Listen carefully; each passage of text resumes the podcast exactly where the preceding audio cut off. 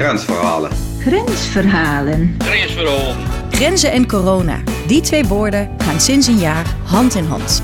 Het verenigingsleven aan de grens is stilgevallen. Opeens mag je niet meer zomaar de grens over. En de kastelein en de ondernemer, die missen hun Belgische en Duitse buur. In deze vierdelige podcastserie zoeken we de verhalen achter de grens. Het grensgevoel van de burgemeester. Wij zitten vlak tegen de kern van Europa aan. Bij Brussel, bij Lille, eh, richting Parijs-Londen.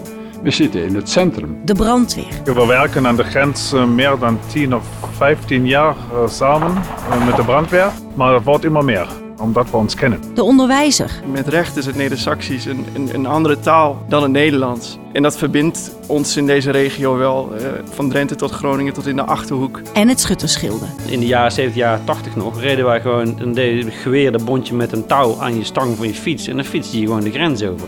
En dan ging je daar een wedstrijd schieten en dan nou, fietsten we weer naar huis. In elke aflevering nemen we je mee langs een stukje van de Nederlandse grens.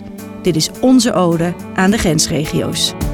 Grensverhalen is een initiatief van het ministerie van Binnenlandse Zaken en Koninkrijksrelaties. Ga voor informatie en meer grensverhalen naar nieuwsbzk.nl.